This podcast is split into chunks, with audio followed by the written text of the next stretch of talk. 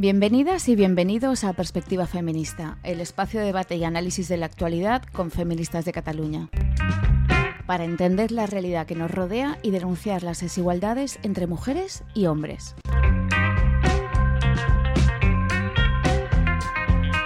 Bienvenidas y bienvenidos a este primer episodio de Perspectiva Feminista, un programa quincenal pensado no solo como espacio radiofónico de debate y análisis, sino también como un espacio de divulgación y aprendizaje. Un espacio donde iremos descubriendo los conceptos que el feminismo utiliza para entender la realidad que nos rodea. Porque para comprender la realidad y los hechos que nos rodean, primero debemos poder identificarlos, nombrarlos y definirlos con claridad y lo haremos siempre acompañadas por la música de mujeres que nos inspiran. Los diferentes capítulos de Perspectiva Feminista serán capítulos monográficos y en cada uno de ellos contaremos con cuatro secciones diferentes. Una breve introducción al tema protagonista con una servidora, Pat de Lidia, nuestra wiki feminista con Erika Bastide y la sección de actualidad con perspectiva feminista con nuestra compañera Lana Grant. Y finalmente nuestra FemTalk, donde entrevistaremos a expertas en la materia. Y ahora sí, empezamos. El tema de hoy es lo que ahora se denomina el 8M, que dicho así parece que estemos hablando de una talla de ropa infantil, pero no. Detrás de esta abreviatura se esconde el nombre completo de tan memorable fecha, el Día Internacional de la Mujer Trabajadora. Hagamos un breve repaso a la historia para entender de dónde viene esta conmemoración que se celebra todos los años en todo el mundo. Desde el inicio de la revolución industrial, amplias capas de la población femenina de los sectores populares se incorporaron al trabajo asalariado. Esta incorporación, sin embargo, no las eximía, igual que continúa pasando a día de hoy, de continuar siendo las responsables de los cuidados del trabajo doméstico. En aquella época, el personal de las fábricas textiles en su mayoría estaba formado por trabajadoras del sexo femenino.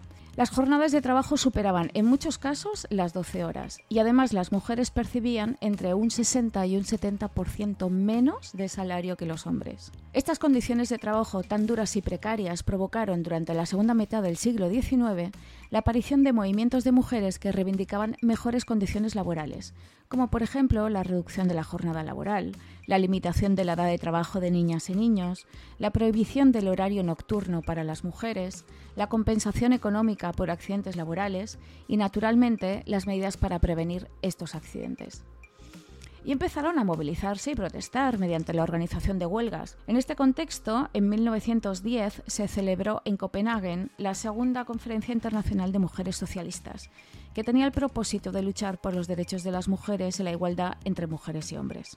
Durante esta conferencia, Clara Zetkin, política y revolucionaria alemana, propuso establecer un Día Internacional de las Mujeres, en un acto de solidaridad internacional con las delegadas de Estados Unidos que habían honrado la huelga de las trabajadoras del textil en 1910 con un Día de las Mujeres de Estados Unidos. La propuesta de Clara Zetkin fue aprobada con entusiasmo por más de 100 delegadas de 17 países y el Día Internacional de la Mujer Trabajadora empezó a conmemorarse en marzo de 1911. Justo este año, en 1911, se produjo un incendio en una fábrica de camisas de Nueva York en el que murieron 146 personas, de las cuales 123 eran mujeres y niñas. Y este trágico suceso sirvió para reforzar esta decisión y terminar fijando el 8 de marzo. Posteriormente, durante décadas, esta fecha quedó más ignorada, hasta que hacia los años 70 del siglo pasado se volvió a implantar su celebración, y en 1977 la ONU declaró el 8 de marzo como Día Internacional de las Mujeres. ¿Y por qué hay que recordar esta parte de la historia? Os preguntaréis. Muy sencillo, pues para que tomemos conciencia de que el 8 de marzo no es un día de fiesta, tampoco es un día para felicitar a las mujeres por el hecho de serlo, ni un día para hacernos regalos o enviarnos una postal con flores de color violeta. El 8 de marzo es un día que conmemora la lucha histórica de las mujeres por sus derechos y por lo tanto es un día de reivindicación de los derechos humanos de la mitad de la población.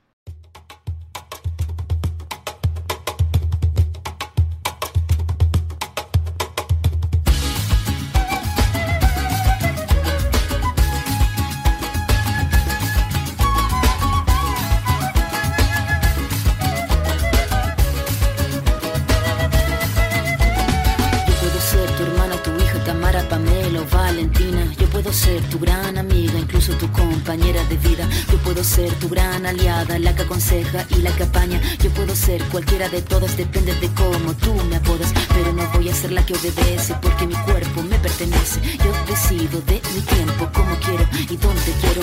Independiente yo nací, independiente decidí. Yo no camino detrás de ti, yo camino de la Escuchábamos a Ana Tijoux, cantante, música, rapera, letrista y compositora chilena con su tema Antipatriarca. Tú no me vas a golpear, tú no me vas a denigrar, no me vas a obligar, tú no me vas a silenciar, tú no me vas a callar. No sumisa ni obediente, mujer fuerte, insurgente, independiente y valiente, romper la cadena de lo indiferente. Y seguimos con más cosas. Llega la Wiki feminista con Erika Bastide.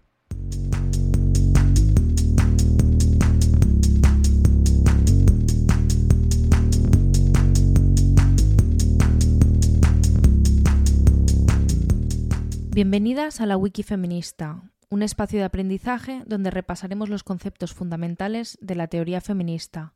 Yo soy Erika Bastide y hoy empezaremos por las bases. Vamos a definir tres conceptos básicos, feminismo, machismo y sexismo. El feminismo es una teoría política revolucionaria y un movimiento social y político de emancipación. Como teoría política, analiza los mecanismos que producen la desigualdad entre los sexos y la subordinación de las mujeres y niñas en todo el mundo como movimiento organizado, lucha por la emancipación de las mujeres y la igualdad real, legal, material y efectiva entre mujeres y hombres, y propone una agenda de carácter internacional. Quizás os sorprenda que hable de feminismo en singular y no de feminismos en plural. Este concepto en plural lo podemos encontrar en todas partes, desde asociaciones locales hasta en el mismo departamento de la Generalitat que se llama de Igualdad y Feminismos. En el fondo parece defender que el feminismo tiene diferentes corrientes y todas son igual de válidas, aunque sean antitéticas. Por ejemplo, un feminismo liberal consideraría que la hipersexualización de las mujeres nos empodera, mientras que el feminismo radical, que no significa extremo, sino que va a la raíz del problema, entiende que esto es hacer, pues al fin y al cabo, lo que quieren los hombres. Una teoría política no puede defender una cosa y su contraria. Hablar de feminismos parece introducir la idea de que el feminismo no es una teoría política completa en sí misma o lo suficientemente inclusiva, y por eso tenemos que ir añadiendo complementos. Ecologismo, antirracismo, orientaciones sexuales. El feminismo se encarga de los derechos del 52% de la población mundial, las mujeres y las niñas. Obviamente el feminismo es consciente que no todas las mujeres son iguales ni se mueven en los mismos contextos, y por eso no ignora las condiciones particulares de cada mujer, pero sí que procura enfocarse en las problemáticas que tenemos todas en común y cuyo origen es nuestro sexo.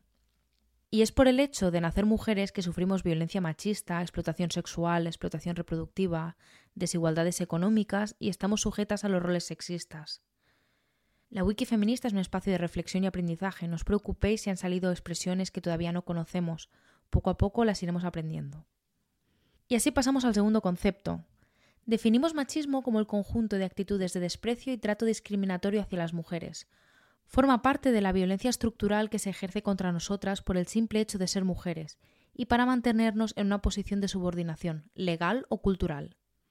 Todas hemos oído el clásico mujer tenías que ser o expresiones vejatorias como feminazi o terf. Finalmente también quiero repasar el concepto de sexismo.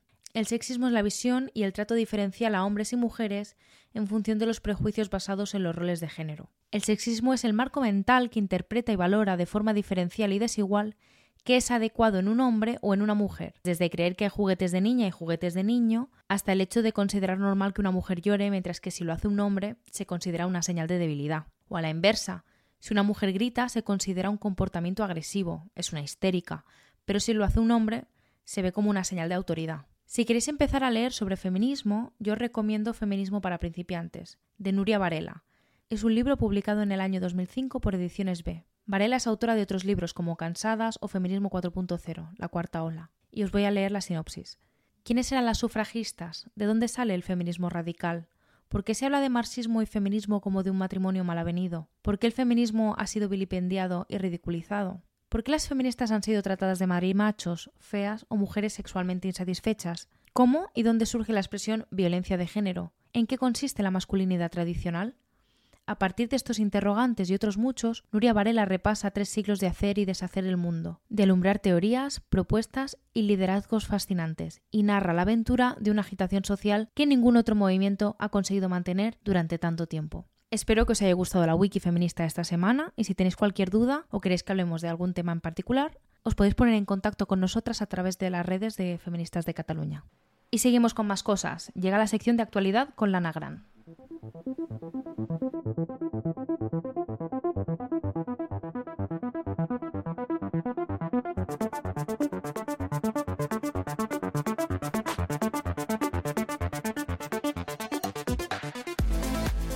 Bienvenidas a la actualidad con perspectiva feminista, donde aprovechando que este mes de octubre la economista norteamericana Claudia Golden recibió el Nobel de Economía por sus estudios pioneros sobre la brecha de género, queremos charlar sobre las desigualdades entre mujeres y hombres en el entorno laboral. Me gustaría empezar destacando dos informaciones para ilustrar la gravedad de estas desigualdades. Según datos de la Organización Internacional del Trabajo, a nivel mundial, las mujeres ganamos en promedio un 20% menos que los hombres. Y esta disparidad persiste en una amplia variedad de industrias y niveles de experiencia.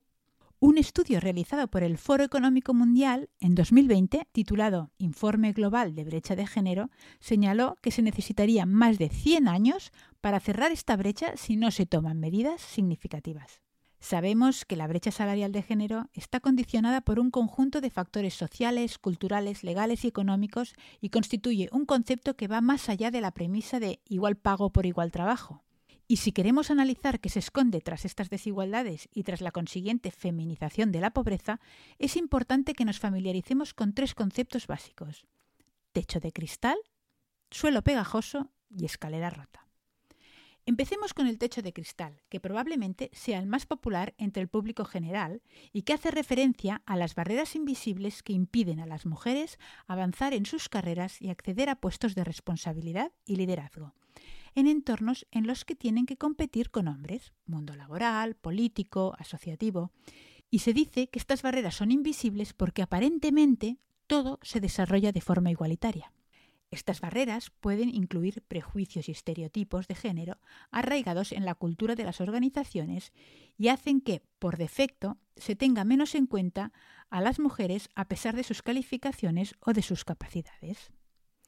El segundo concepto básico es el suelo pegajoso, que se refiere al hecho de que las responsabilidades domésticas y de cuidados que a las mujeres nos han enseñado a percibir como propias, nos impiden desarrollar todo nuestro potencial profesional y personal y hace que las mujeres seamos mayoría en posiciones laborales de rango inferior, ocupaciones menos cualificadas, mal pagadas, menos estables y a tiempo parcial. Un dato a este respecto. Según un informe del Programa de Naciones Unidas para el Desarrollo, las mujeres dedicamos en promedio el triple de tiempo a trabajo no remunerado en comparación con los hombres. El tercer concepto clave es el de la escalera rota y se refiere al hecho que, a menudo, las mujeres quedan estancadas y no consiguen promociones porque las interrupciones laborales derivadas de la maternidad las penalizan. Hemos empezado la sección hablando de Claudia Golden y su recién otorgado Nobel de Economía un galardón que supone precisamente un reconocimiento a su carrera investigadora, en la que ha analizado las raíces históricas de las desigualdades entre los sexos en los mercados de trabajo con el objetivo de entender por qué las mujeres participamos menos que los hombres en el empleo, por qué lo hacemos con salarios inferiores, de forma más precaria y temporal, en un menor número de sectores y con menor probabilidad de ascender. Y precisamente una de las conclusiones de su trabajo apunta al hecho de que las mujeres siempre hemos trabajado, aunque no siempre nos han pagado por ello. Las tareas del hogar constituyen un trabajo fuera del circuito laboral remunerado y por eso es en casa y no en la empresa donde nace la brecha de género. Claudia Golden, catedrática de Economía de la Universidad de Harvard, se ha convertido a sus 77 años de edad en la tercera mujer en obtener el Nobel de Economía y en la primera en lograrlo en solitario. Publicó en 1990 la obra titulada Comprendiendo la brecha de género, Historia económica de las mujeres en Estados Unidos, un estudio en el que analiza la brecha salarial en Estados Unidos con una perspectiva histórica y donde ponía en tela de juicio buena parte de las explicaciones que se habían dado hasta el momento a la brecha salarial entre mujeres y hombres. Golden se preguntaba por qué la brecha de género sigue existiendo si hoy en día, cuando mujeres y hombres entran en el mercado laboral, parten supuestamente de la misma casilla de salida, es decir, de niveles formativos similares. Y sus hallazgos apuntan al hecho de que, aunque en nuestros lugares de trabajo las mujeres nos sigamos enfrentando a sesgos y discriminaciones sexistas más o menos evidentes, más o menos útiles, la causa principal de la desigualdad salarial de género es la misma que produce la inequidad en la pareja. Si una pareja tiene hijos que requieren cuidados, uno de los miembros de la pareja se suele responsabilizar de atender sus necesidades en casa, mientras que el otro está más pendiente de las necesidades del trabajo. Y por lo general, las mujeres hemos asumido, o más bien se nos ha asignado, el papel de atender las necesidades del hogar, mientras que los hombres han estado más volcados en el trabajo. Y esta situación se agrava claramente con la llegada de la maternidad. Y en sus últimas investigaciones, recogidas en su reciente libro Carrera y Familia, Goldin centra su atención en los cuidados y los tiempos en la familia y en la división de roles en las parejas heterosexuales norteamericanas con formación universitaria y su relación con lo que ella denomina la economía de la codicia. La economía de la codicia es aquella que paga más en función del número de horas trabajadas o de las horas trabajadas en momentos en los que los demás descansan o están de vacaciones. Y como os podéis imaginar, difícilmente son las mujeres las que pueden hacerlo, porque sobre ellas recae el cuidado de la familia. Si las tareas de cuidado se repartieran a partes iguales, se produciría un empobrecimiento del hogar. Y este es el motivo por el que las mujeres renuncian. Los salarios de los hombres siguen siendo altos y pueden subir. Los de las mujeres, con horarios limitados o menos estables, son más bajos y tienen menos perspectivas de futuro. Pensar en estrategias para dar respuesta a las desigualdades entre mujeres y hombres en el entorno laboral requiere un análisis profundo y un tiempo del que no disponemos aquí. Pero sin duda, cualquier estrategia debe pasar por promover una mayor igualdad entre mujeres y hombres desde una edad temprana, desafiando los estereotipos de género en la educación desde la más tierna infancia y fomentando la participación equitativa de ambos sexos en todas las áreas. Además, las empresas pueden implementar medidas para reducir la brecha salarial, como la transparencia salarial, la promoción activa de mujeres a puestos directivos y la revisión regular de las políticas de recursos humanos para eliminar sesgos de género. En nuestra FemTalk de hoy, nuestra compañera Pat de Lidia seguirá hablando de todo ello con una experta en la materia para que continuemos aprendiendo y reflexionando juntas.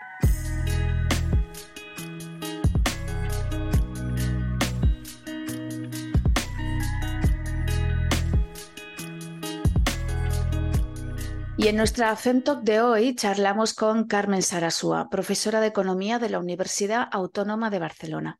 Carmen Sarasúa es experta en historia económica y una de las pioneras en España en la realización de estudios sobre la desigualdad salarial y ocupacional que afecta a las mujeres desde el siglo XVIII hasta nuestros días.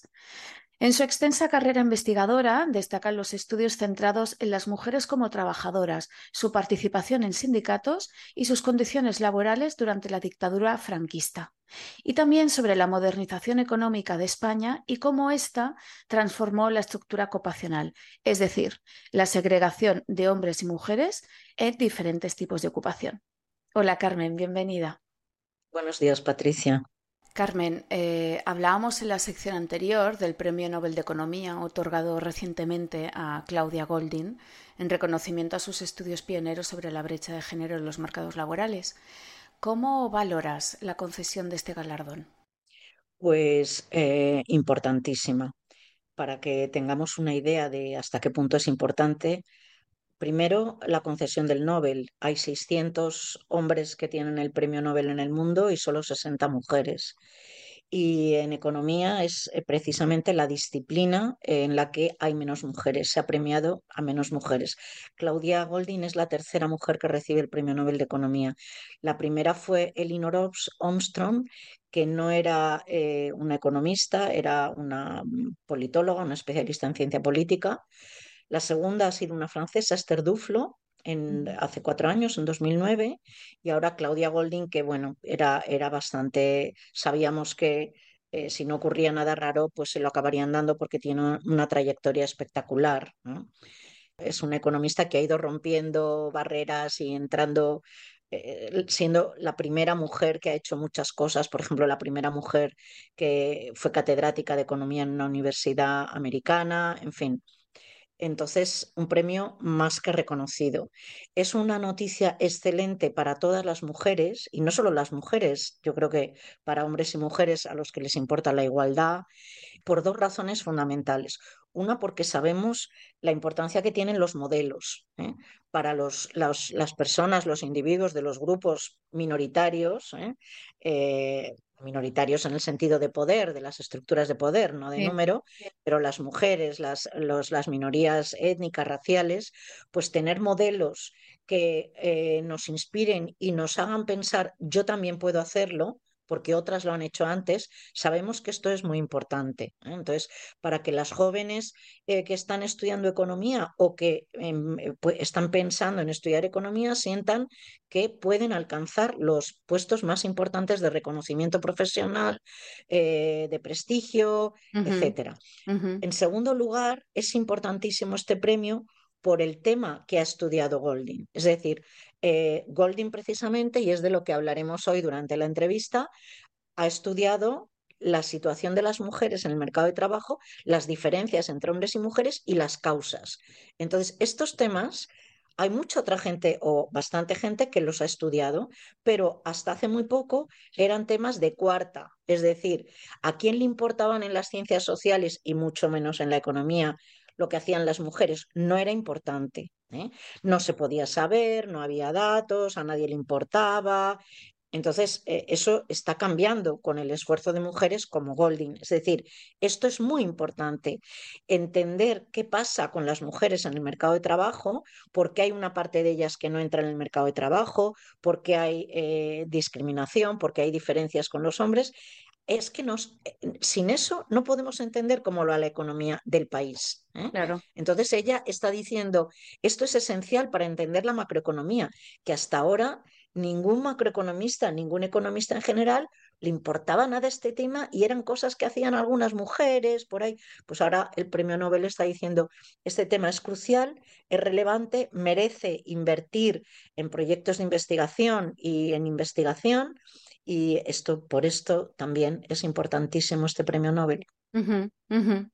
Em, Carmen, al final de la reseña que tú misma escribiste sobre el, eh, sobre el último libro de Golding, explicas que en 2021 ella misma fue invitada por la Facultad de Economía y Empresa de la, de la Autónoma de Barcelona para impartir la lección inaugural del curso y que ella misma eligió para resumir su trabajo una cita que procede precisamente de su libro Understanding the, Gender Gap, publicado en 1990 y que voy a leer porque me parece muy interesante y que dice así. Empecé el estudio más como economista, pero lo he terminado con una apreciación más completa de cómo el pasado lejano afecta al presente, cómo las normas y las expectativas impiden el cambio, cómo la discriminación puede sobrevivir incluso en mercados muy competitivos y lo lento que puede ser el verdadero cambio. ¿A qué, se refería aquí Claudia Golding? ¿Y por qué dices eh, en, la reseña que esta cita resume por qué una labor economist se convierte en una historiadora económica? ¿Qué significan esos términos? Sí, muy bien. Pues eh, Patricia, si me permites, me gustaría decir primero que esta reseña que he publicado sobre el, número, el, último libro que ha escrito, que ha publicado Golding, está en la revista de Historia Industrial por si alguien eh, quiere leerla. ¿eh? Entonces, la revista Historia Industrial, que además se publica en la Universidad de Barcelona. Em, y tuvieron el acierto de hacer una, encargar una reseña sobre este último libro. porque, este, porque ella misma, como acabas de decir, elige o reproduce esta cita que ya había escrito varios años antes, pero a mí me parece muy significativa de un aspecto importantísimo de la obra de Golding. Ella es una economista, por definición los economistas eh, lo que estudian es la economía actual, ah, pero ella tiene una sensibilidad especial por la historia económica, es decir, por el largo plazo. Ella entiende que, eh, que no se pueden entender los problemas del mercado de trabajo eh, y, desde luego la, discriminación, la diferencia entre grupos en el mercado de trabajo, etcétera, sin entender lo que ha pasado en las generaciones anteriores, ¿eh? cómo se han construido históricamente estas realidades. Entonces, esto le aproxima muchísimo a lo que a nosotros, como historiadores económicos, nos importa, que es precisamente el largo plazo. Es justo lo que nosotros decimos.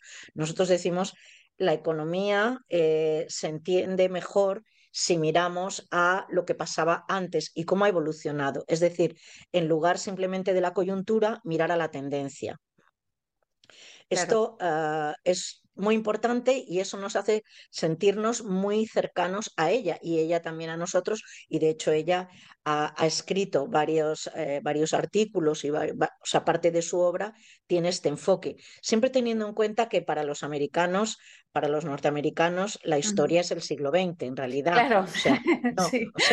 hay, que, hay que tener esto en cuenta, ¿no? Cuando ella dice, miremos a la historia, pues mira 1900, pero bueno, con, eh, eh, con esta salvedad pues para ellos esto es el largo plazo y esto ya en sí mismo tiene mucho mérito. Y la otra, el otro elemento de esta cita eh, que tú has elegido y por la que me preguntas es, dice, cómo el pasado afecta al presente, pero también cómo las normas y las expectativas impiden el cambio, eh, cómo la discriminación puede sobrevivir incluso en mercados muy competitivos y lo lento que puede ser el verdadero cambio. Esto es otra característica muy interesante y muy valiosa del pensamiento y de la obra de Golding, eh, porque los economistas eh, pueden tender a, mirar simplemente, por ejemplo, los, las variables de empleo, que es de lo que estamos hablando. Pues esta es la oferta, esta es la demanda, esta es la estructura económica de este país, tanto el sector servicios, la agricultura, la industria, esta es la oferta de trabajo, hay tantas personas en edad de trabajar, ese tipo de análisis. Eh, cuando ella, ella se pregunta por qué son así las cosas, por qué no son de otra manera, ¿eh? cómo es que hay un porcentaje tan grande todavía eh, sobre todo de mujeres que, se declaran haciendo sus labores inactivas fuera del mercado de trabajo, eh, por qué las mujeres han tardado tanto en ser trabajadoras cualificadas. Pues entonces ella se da cuenta de este elemento que, eh, que, muchas veces dejamos de lado en el análisis económico, que son precisamente esto, las ideas, las normas, las expectativas. A lo mejor yo resulta que eh, y esto, pues cualquier persona de las que nos están escuchando, pues puede entenderlo muy bien. Cuando yo estoy decidiendo qué voy a estudiar, cuando yo decido eh, si me voy a cambiar de país y voy a emigrar o me voy a quedar, cuando yo decido o intento decidir qué empleo, eh, a qué empleo optar, si preparo una oposición y entro en el empleo público o mm, voy a la empresa privada, eh, si pido un contrato a tiempo parcial o doble jornada, si tengo hijos o no, eh, cuándo me caso, cuándo tengo el primer hijo, todas estas decisiones, que son las que ella ha estudiado fundamentalmente, están impregnadas también de cosas como qué esperan de nosotros nuestro entorno, eh, qué imagen tengo de mí misma, a lo mejor eh, me parece que si no tengo hijos y ya tengo 40 años, eh, pues no es lo que yo querría, no me, no me adapto a la imagen de mujer que a mí me parece triunfante mm. etcétera, etcétera, etcétera. ¿eh? Y esto ocurre también, por supuesto, con los hombres. A lo mejor si yo, eh, yo soy un hombre y digo en mi eh, que me voy a quedar cuidando a mi hijo eh, y voy a dejar el trabajo un año, pues todo el mundo me va a poner verde o gano muy poco dinero o no tengo prestigio. Entonces, ¿eso qué es? ¿Eso es economía? Bueno, eso son ideas, son normas, son expectativas. Claro. Entonces, y, digamos que eso es cultura en el sentido antropológico, ¿no? La cultura. Y ella dice esto afecta fundamentalmente a las decisiones económicas que tomamos. No podemos disociarlo, no podemos eh, querer eh, ir a más, querer entrar en la universidad. Por supuesto, la renta es una grandísima restricción, pero todas estas decisiones que tomamos también están afectadas por factores que no tienen nada que ver en principio con la economía. Y ella dice hay que estudiarlas también y hay que integrarlas en nuestro análisis. Por eso me parece una cita importantísima.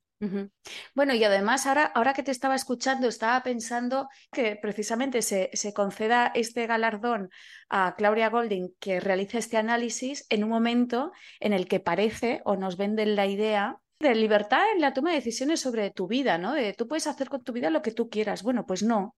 Hay una serie de condicionantes, ¿no? Me parece. Sí, Patricia, estoy de acuerdo con lo que dices, pero eh, recordemos una cosa.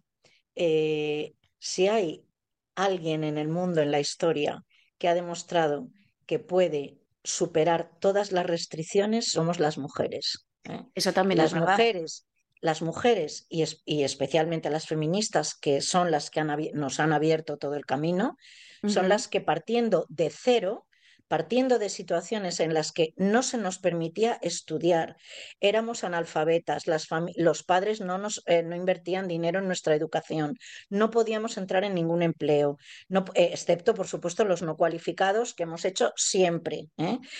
no podíamos controlar nuestra, natal, nuestra reproducción, no podíamos hacer nada, solo éramos como bestias de carga para hacer todo el trabajo que fuera necesario y eso lo hemos cambiado. Entonces, cuando yo oigo esto, no, es que eh, sí, hay muchas restricciones, pero eh, sí, nosotras como, como, mujeres, como feministas, somos herederas de muchas antepasadas que han dicho, yo, yo quiero ser dueña de mi vida. Otra cosa es que otra cosa es que sea ciega a, las, a los obstáculos. No somos ciegas a los obstáculos.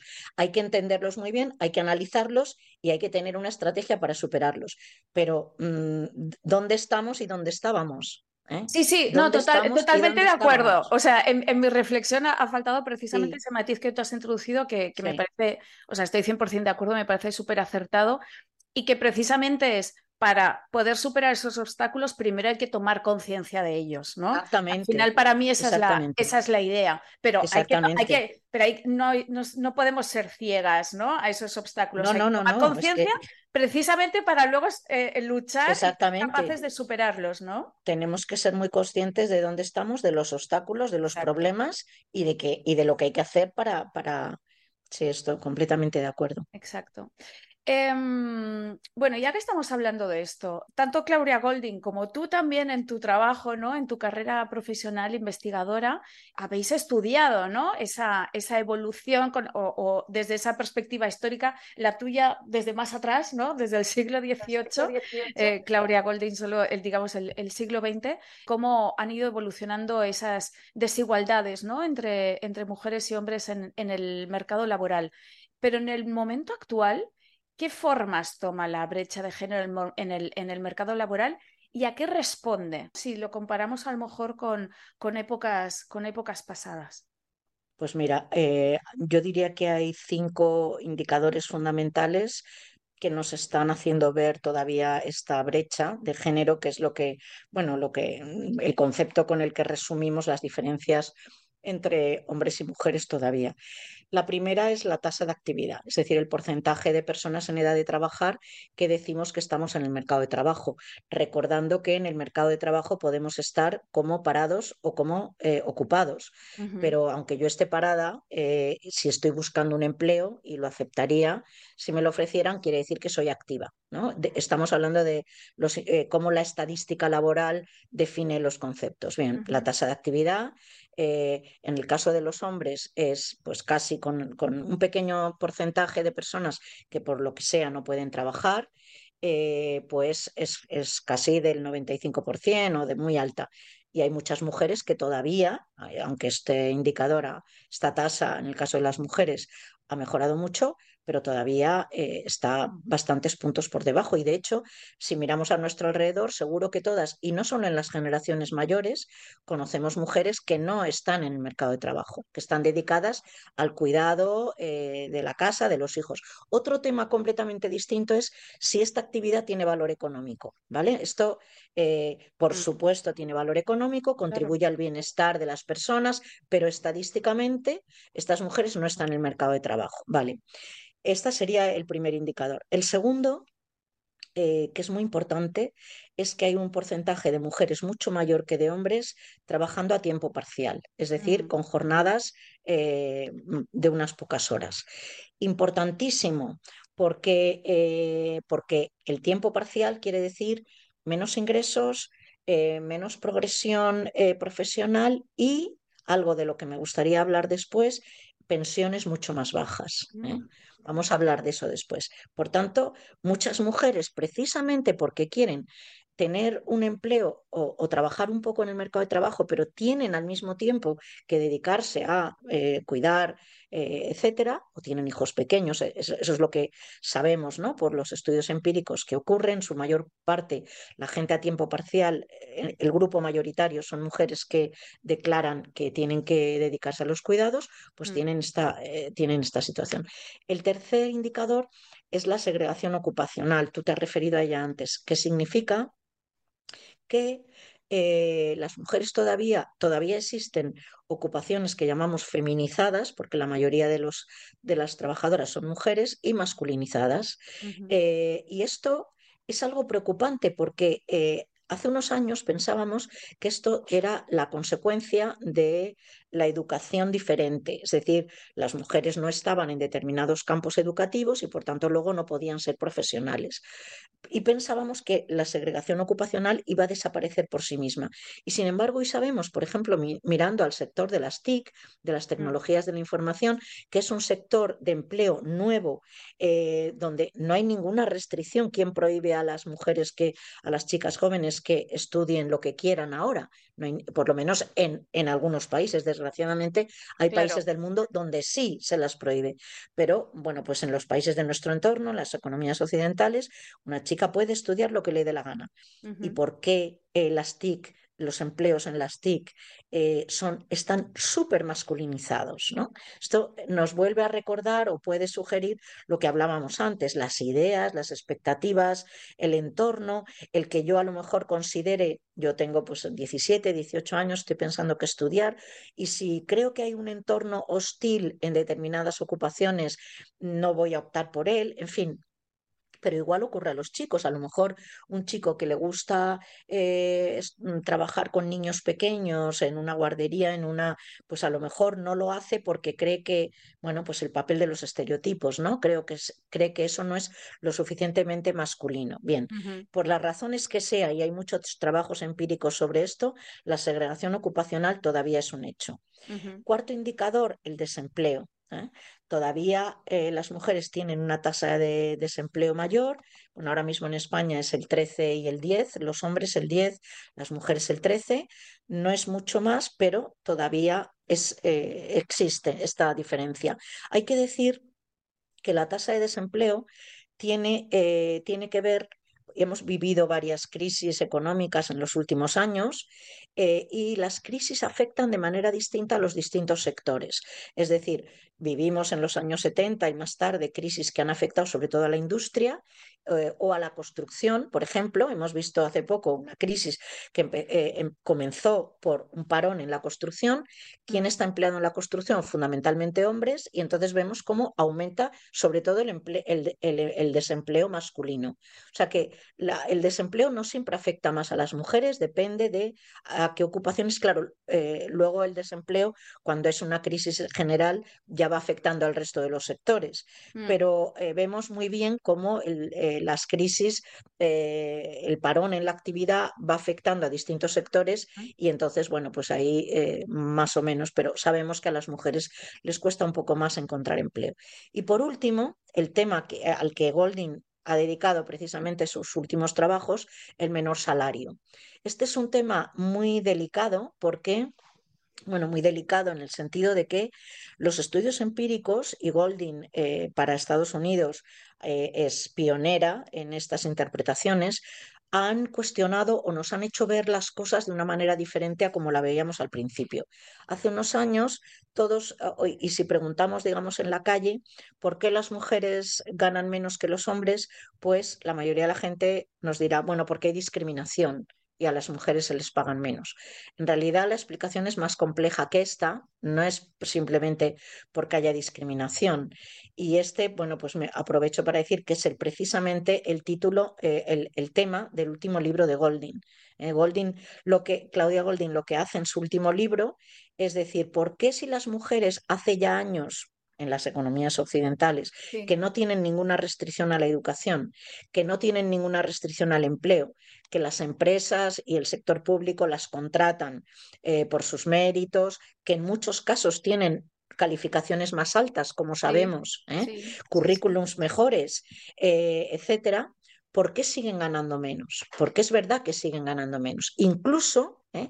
y esto es un, hallazgo, un, descubrimiento, digamos, reciente, em, ganan menos o, el diferencial, la diferencia entre hombres y mujeres es menor cuando ya llevan dos décadas en el empleo. Es decir, las mujeres eh, jóvenes, cuando entran hombres y mujeres en una ocupación, casi no hay diferencia entre ellos. ¿eh? Y, la diferencia se va agrandando a medida que somos mayores y estamos más tiempo en el mercado de trabajo. ¿Cómo es posible? Si la experiencia es importante, vamos adquiriendo cualificación en el empleo, ¿por qué?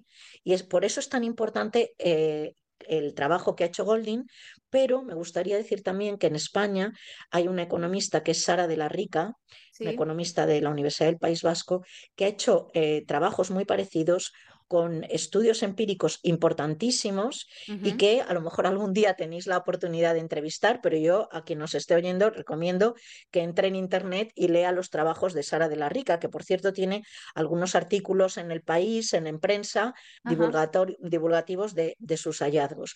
Entonces, ¿qué dicen? Eh, qué dice Golding y qué dice de la rica, porque las dos y, mucha otra gente que estudia sobre lo mismo llegan a la misma conclusión. Eh, la causa no es tanto la discriminación, la causa, eh, y hay, hay que reconocerlo, es la menor productividad de las mujeres. ¿Qué significa la menor productividad? Significa que las mujeres eh, por lo que sea, están creando menor riqueza. Claro, esto de momento nos parece muy fuerte, ¿cómo es posible? Porque las mujeres crean menor riqueza. Si estamos diciendo que están igual o más cualificadas que los hombres, pues la respuesta es las menores horas de trabajo y las interrupciones en la carrera. Es decir, eh, si miramos las trayectorias laborales de las mujeres desde que entramos en el primer empleo hasta que nos jubilamos, veremos que los hombres apenas es rarísimo que cojan interrupciones, es decir, que cojan permisos un año, dos años, empleo a tiempo parcial, ahora me salgo, ahora estoy una excedencia de dos años para cuidar a mis padres, a tal, mientras que en el caso de las mujeres es muy común. Mm, ¿eh? mm. Entonces, esta, esta, estas excedencias, estas interrupciones en la carrera, eh, estos años que pasamos a tiempo parcial tienen un impacto muy negativo en nuestros ingresos. Claro, penalizan, ¿no? Mm. Totalmente. ¿eh? Eh, primero tenemos menos antigüedad. segundo, tenemos menos acceso a la formación dentro de la empresa. ¿Eh? porque la empresa tiende, las empresas, pero también el sector público, tienden a formar más a aquellos trabajadores constantes eh, que no se están saliendo constantemente del trabajo. Claro, ¿eh? entonces, las interrupciones, que son, como dice Claudia Golding, para cuidar, afectan negativamente a la trayectoria laboral de las mujeres, a todo, a los ascensos, a los salarios, a las pensiones. Y eso explica precisamente la conclusión de Sara de la Rica, que la brecha salarial de género aumenta con la edad. Es a los cincuenta y tantos años cuando la diferencia salarial es mayor, no es a los veinte. ¿eh? No es a los 20. Y además, es, esto también es otra, es increíble. Mientras más cualificado es el empleo, mientras eh, más alto estamos en la escala profesional, más diferencia salarial. ¿eh? Porque, eh, ¿Por qué? Dice Golding, que, claro, hay que ponerlo en el contexto norteamericano. Hay que pensar también en qué están haciendo las empresas y qué tipo de trabajador necesitan cada vez más. Aquí, para entenderlo, tenemos que, podemos echar mano a estas películas que vemos, a estas series que vemos americanas de médicos o de abogados, que de repente les vemos que, que, cenan y siguen trabajando hasta las 3 de la mañana o las 4 en el despacho, en el hospital, y que claro, a nosotros nos asombran porque eso todavía no ha llegado, es excepcional en el caso español, en el caso europeo en general, pero allí es muy común, ¿eh? no hay horas límites de trabajo, no hay jornada de trabajo, etcétera. Entonces, claro, ¿quién puede hacer eso? ¿Qué mujer con hijos pequeños puede decir, ay, que me quedo estudiando este caso hasta las 5 de la mañana? E, es imposible. Esto es lo que Claudia Golding llama la economía de la codicia, ¿no? Greedy work, exactamente. ¿eh? Es, es, eh, es una que, que, por otro lado es eh, dejar de pensar en la oferta y ver también qué está haciendo la demanda de trabajo. Entonces, como estamos aceptando unas condiciones de trabajo que simplemente son incompatibles con la vida personal, entonces resulta que todos los esfuerzos que habíamos hecho las mujeres para adaptarnos y para conciliar se vienen abajo, porque es imposible literalmente la conciliación. Y entonces se explica, por eso ella explica, bueno, pues hay corte, cortes de mujeres que literalmente han tenido que elegir entre eh, tener hijos y tener una familia o no, porque además hay otra cosa, está el hecho de que, por ejemplo, en, las universidades, em, bueno, hoy tienes un contrato aquí, pero mañana tienes un contrato en una universidad que está a 3.000 kilómetros ¿eh? y tienes que levantar la casa e irte a 3.000 kilómetros. ¿Quién puede hacer eso? ¿Eh? Mm, mm. o, te manda tu empresa a una sucursal que tienen en Bombay o en Hong Kong. Entonces, eh, ¿quién puede hacer eso? Puedes hacerlo a lo mejor unos años, pero después es que ni, no es la vida que quieres tampoco. Y es una vida incompatible con tener una familia. Sí. Entonces hay que tener en cuenta también este factor. Las cosas, sobre todo a estos niveles de, digamos, de profesionales cualificados que tienen salarios muy altos, eh, pues son así. Hay que entender cuáles son las demandas de las empresas y, si tú estás dispuesto a, eso y si no, pues claro, eh, no, no puedes, digamos, luego extrañarte de que vas a cobrar mucho menos. No eres competitiva frente a los hombres que sí eh, son competitivos. Entonces, lo que quiero decir es que por, en ese sentido, tanto Golden como de la Rica dicen, bueno, las mujeres resulta que son, entre comillas, menos competitivas porque no se están adaptando o muchas de ellas dicen, no, perdón, yo me bajo de este, de este tren, ¿no? Porque, porque no puedo. Entonces, pero yo creo que esto queda claro, ¿no? Porque las causas del menor salario. Mm. No, y que además me parece súper interesante y estoy convencida que mucha gente que nos esté escuchando, esta idea de que esa brecha salarial eh, aumenta con la edad Incluso con los niveles profesionales, a mucha gente le va a explotar la cabeza con eso, ¿no? Porque Les, va a sorprender mucho.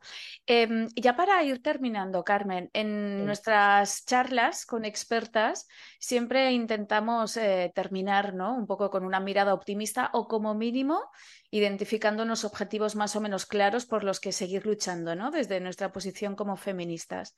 Con esta premisa en mente, ¿Qué crees que es necesario para corregir la brecha de género en el entorno laboral? ¿Y de quién o de, qué depende que se produzcan estos cambios? ¿Y en qué medida crees que existe voluntad política para que estos se produzcan? Pues primero, efectivamente estoy de acuerdo, eh, hay que partir de la idea de que no es solo nuestra responsabilidad, faltaría más.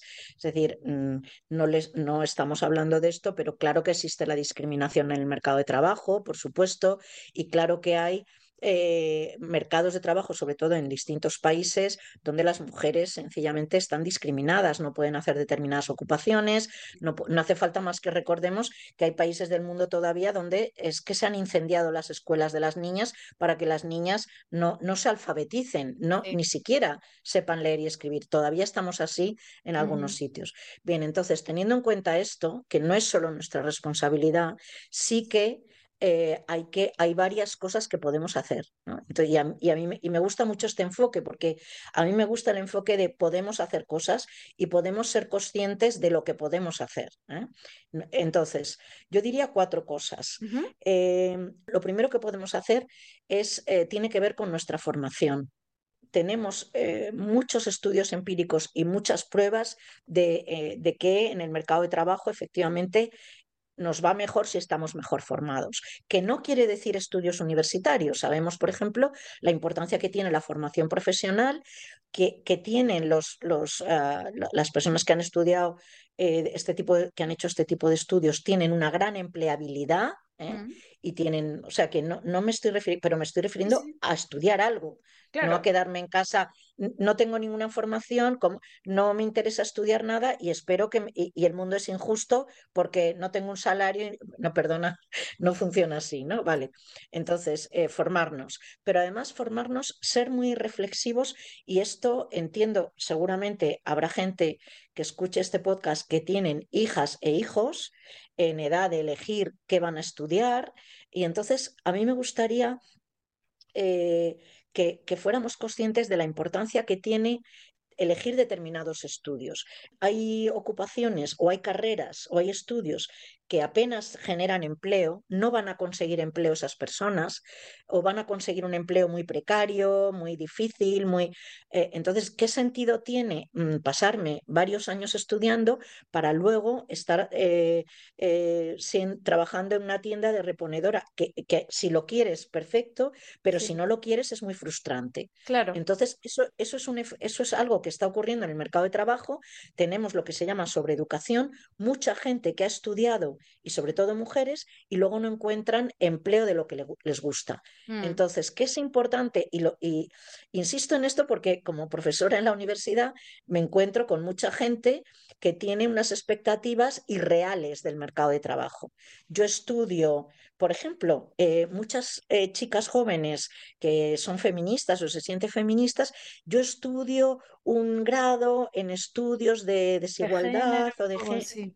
Eh. Vale, eh, perdona, pero ¿qué, qué empleo crees que vas a encontrar así? Eh, Entonces, si las cosas que nos gustan o que nos interesan, siempre podemos hacerlas como afición, como leyendo, eh, lo que queramos, podemos aprender todo, pero tú lo que necesitas es un buen empleo. ¿eh? Porque lo que queremos es ser independientes económicamente. ¿eh? Es, esto entiendo que está claro. ¿eh? Entonces, el empleo no solo nos proporciona un ingreso, un medio de vida, ¿eh? Eh, sino que nos proporciona voz, voz social, eh, consideración familiar, consideración social, poder mantener a nuestros hijos, no depender de nuestro marido y si mañana se va por tabaco o se, nos quedamos como, no, no, no, es con que una mano delante y otra detrás, pero claro. además, Patricia, recordemos yo, a nuestras, precisamente a nuestras antepasadas, a las primeras feministas, es que lucharon, han luchado por esto durante décadas y décadas, ser independientes económicamente. Por tanto, estudiemos algo y ayudemos a nuestras hijas a estudiar cosas que las permitan ser autónomas y las permiten, eh, permitan ser independientes. Después, otra cosa que podemos hacer, eh, formarnos también y ser muy conscientes eh, de cómo gestionamos nuestra economía. Es que las mujeres se están quedando completas. Yo a veces me, me quedo eh, asombrada del desconocimiento que tienen incluso mujeres adultas. eh, ah, esto lo lleva mi marido. Ah, yo no sé nada de nuestras cuentas, del ahorro, de las inversiones. Por ejemplo, ahora hay muchas, eh, muchos estudios de, que se plantean si las mujeres y los hombres invierten de manera distinta sus ahorros. Eh, no, no, es que esto no, no puede ser. Las mujeres tenemos que ser responsables de nuestra economía, de nuestros ingresos. Pensar en nuestras pensiones. Es que las mujeres vamos a vivir más que los hombres. Tenemos eh, bastan- varios años más de vida y es lamentable ver cómo viven las ancianas, ¿eh? sin ingresos. Se han pasado toda su vida dando dinero a toda su familia, a los hijos, a los yernos, a los nietos. Pero ¿por qué das dinero si no tienes nada? Es que, eh, o sea, pero luego tú eh, no puedes cogerte un taxi o no puedes ir a la peluquería o no puedes ir al dentista porque no tienes ahorros, porque lo has dado todo. Esta idea de yo no necesito nada, yo estoy dando todo el día, no, no, es que esto, es que no. Tenemos que aprender en ese sentido a protegernos a nosotras mismas. No nos protegemos económicamente y nos tenemos que proteger, tenemos que ahorrar, pensar en nosotras mismas, que nadie nos desahucie de nuestra casa porque nuestro hijo ha pedido sin nuestra autorización Una segunda hipoteca. hipoteca, sí. Exacto, es que eso pas- está pasando muchísimo. Sí, sí. Entonces, no, protegernos y, y- y- saber de lo que estamos hablando. Eh, una tercera cosa, no, intentar eh, no contribuir a la segregación ocupacional, pensar en posibilidades de empleo que no sean las obvias. ¿eh? No pasa nada por entrar en empleos masculinos. Ahora mismo, por ejemplo, Mm.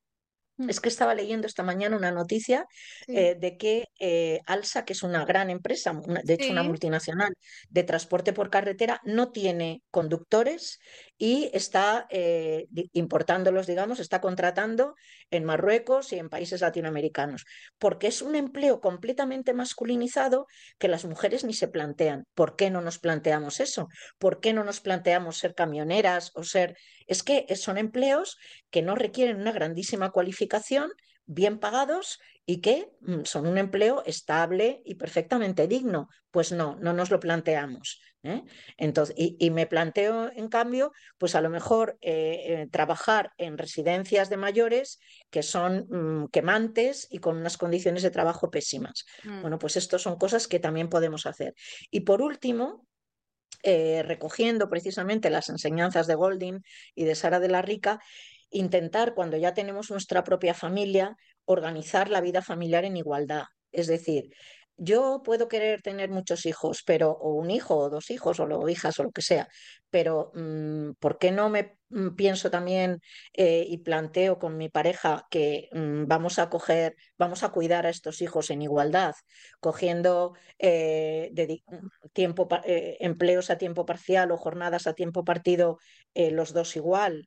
Hay, una, hay una asociación, y yo soy miembro desde hace años, que es la PINA, quizá has oído hablar de ella, la plataforma que lucha por los permisos iguales intransferibles, que está haciendo un trabajo excelente precisamente en concienciar a la gente de que eh, esa es una de las causas precisamente de los cuellos de botella del empleo y del salario de las mujeres. Si nosotros seguimos cogiendo todos los, eh, los permisos eh, y todos los días y los meses y los años para cuidar a nuestros hijos, ¿por qué? Si, si mi marido es igual de padre, ¿no? y que cuide y que coja un permiso y una baja cuando los niños están enfermos o cuando lo que sea. No es fácil, pero como, como siempre, nos recordemos que nos apoyamos en los hombros de nuestras antepasadas. A mí eso me da muchísima fuerza. Todo lo que estamos haciendo eh, y todo lo que vemos, eh, otras lo han hecho mejor y antes. Mm, Entonces, mm. pues simplemente sigamos el camino de ellas. Bueno, me quedo con, esa idea que me resulta hasta emocionante. No se ve en el podcast, pero a mí se me han iluminado los ojos eh, escuchándote pronunciar esas últimas palabras. Ha sido un verdadero placer, Carmen. Mil gracias, ha sido un gustazo de, charla. Eh, ya lo fue en su momento cuando nos cediste también parte de, tu, de tu, conocimiento y de tu tiempo eh, para hacer el, webinar dentro de, nuestra, de nuestro ciclo de formación, eh, que animo, por cierto, a quien nos esté escuchando a buscarlo en nuestra página web, en la pestaña de formación, uno de los webinars que, que impartiste tú, titulado La desigualdad económica entre mujeres y hombres ya no existe, ¿no? Como pregunta y que también es tremendamente interesante. Y, nada, ha sido un placer. Muchísimas gracias, Carmen. Espero que tengamos ocasión de, volver a hablar en el futuro. Y, un abrazo. Gracias a ti y por trabajar en esto y por organizarlo. Y creo que estoy convencida de que esto es parte de la militancia en la que estamos embarcadas. O sea que muchas gracias. gracias a ti.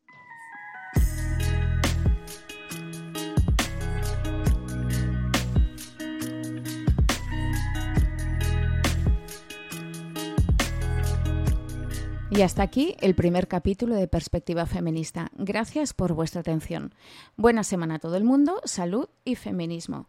Si queréis seguir nuestro trabajo, podéis acceder a nuestros recursos y materiales de formación en nuestra página web www.feministes.cat.